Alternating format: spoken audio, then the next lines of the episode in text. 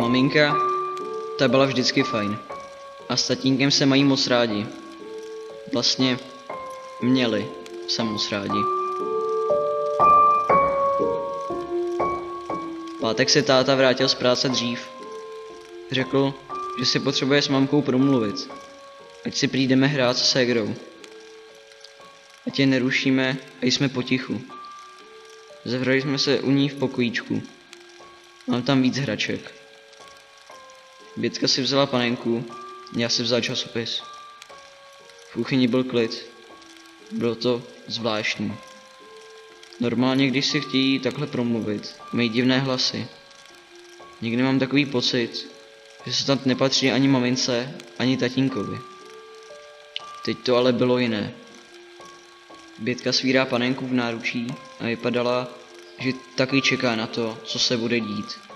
Panenka měla na sobě černý obleček, jako do rakve. Asi tušila.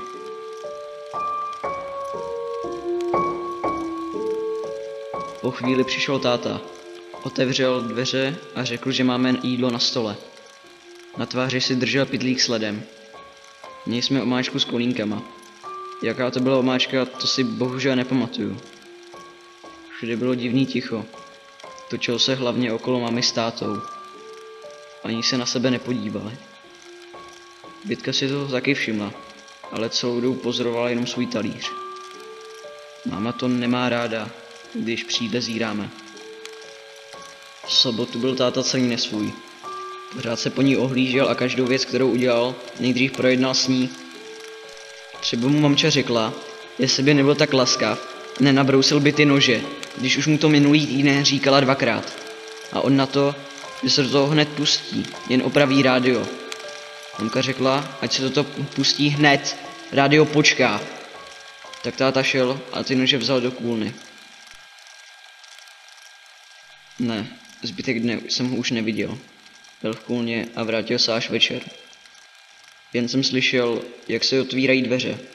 Našlapoval jako kočka, až se zastavil u segřiního pokoje. To on dělal často takhle večer. Moc jsem ale nevnímal. Byl jsem unavený, protože jsme s mamčou a s Bětkou byli na koupáku. Tam to bylo prýma. Já mám nejradši velký bazén. Je to tam totiž takový jako vodopád, po který se stoupnete a voda vám padá rovnou na hlavu. Zavřu vždycky oči a představuju si, jak jsem někde na tropickém ostrově. Žádný starosti, na nic nemusíte myslet. A taky je tam se mnou ségra. Hraje si na břehu s kamínkama a staví z nich nádrž pro rybky. A pak se... Pardon, no co jste se to ptal? Už jsem říkal, že táta přišel až večer. Nevím, v kolik to bylo hodin. Nedíval jsem se. Ano, šel k běci do pokoje. Ale pak tam taky šla máma. Něco na něj začala křičet. Segru to muselo vzbudit. Já jsem si dal polštář přes hlavu a snažil se usnout. Druhý den jsme šli do kostela. Všimli jste se, jak je v kostele ráno hrozná kosa? Ne, táta s náma nešel. Necítil se prý dobře. Když jsme se vrátili, na stole ležel dopis. Mamka ho vzala a chvilku do něj koukala. Pak odešla. Vrátila se až potom, co jsme dojedli. Byla v obličeji celá bílá, ale usmívala se. Řekla, že táta někam jel. Musel odjet. Musel odjet za babičkou Janou. Co prosím? Ano, asi tak nějak to řekla. A ještě, že je tady všechno hrozně špinavý a že bude muset vygruntovat celý barák. Zbavit ho tý masnoty a hnusu. Všude je prach a bordel. A my půjdeme k sousedce, ať nepřekážíme. Paní Hubertové. Ano, to je ona. Máme zahrady vedle sebe. Občas se státou hádají, čí jabka padají na čí pozemek. Ale jinak je to moc hodná paní. Když jsme k ní přišli, už nás čekala. Maminka jí volala, tak měla pro nás všechno připravené. Třeba chleba s marmeládou a kakao. A... Aha, paní Hubertová už tady byla taky? To je dobře. Pardon, co jste to říkal? Kdy? To mohlo být něco mezi osmou a devátou. Vzal jsem Bětku do náručí a šel rovnou domů. Usnula mi na rameni. Držela panenku a spala. Opatrně jsem otevřel dveře a zůl si boty. Šel jsem rovnou k Bětce a položil ji na postel. Chtěl jsem pak najít mamku a popřát jí dobrou noc. Celý dům byl naprosto tichý. Jenom v topení hučla voda. Všude byla tma. Zašel jsem do kuchyně. Rozsvítil. Bylo tam dokonale naklizeno. Zkontroloval jsem ještě obývák, ale tam taky nikdo nebyl. A to bylo, když jsem uviděl světlo na zahradě. Musela být v kůlně. Svítila jako maják. Všude tma, jenom ta kůlna. Bylo to docela hezký. Vyšel jsem do zahrady a hned se začal třást. Nevím, možná tím chladem. Slyšel jsem mamču, jak se s někým povídá. Otevřel jsem a podíval se dovnitř. Ano, viděl jsem tam asi všechno. Nevím, jak to popsat. Já vím, že je to moc důležitý, ale já... Byl tam pro vás. Na horním konci přivázan ke střeše kůlny. Na druhém konci vysel táta. Tváře měl divně opuchlé a houpal se ze strany na stranu. Máma stála pod ním. V pravé ruce držela nůž. Levou rukou ho houpala, jako nějakou hračku na provázku.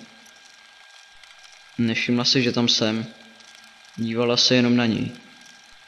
Táta k ní přiletěl vzduchem, ona ho chytla a poslala zase na druhou stranu. Celou dobu na mě ty jeho oči zíraly. Levá, pravá, levá, pravá. A máma na něj mluvila. Říkala mu, že se už nezlobí, že to chápe. Uklidila prý celý barák, tak už může jít za ním. Promiň, že jsem na tebe byla někdy ušklivá. Neměla jsem na vybranou. To, co si prováděl, nebylo v pořádku. Ale Bětka to pochopí. Časem. Na to už nemysli.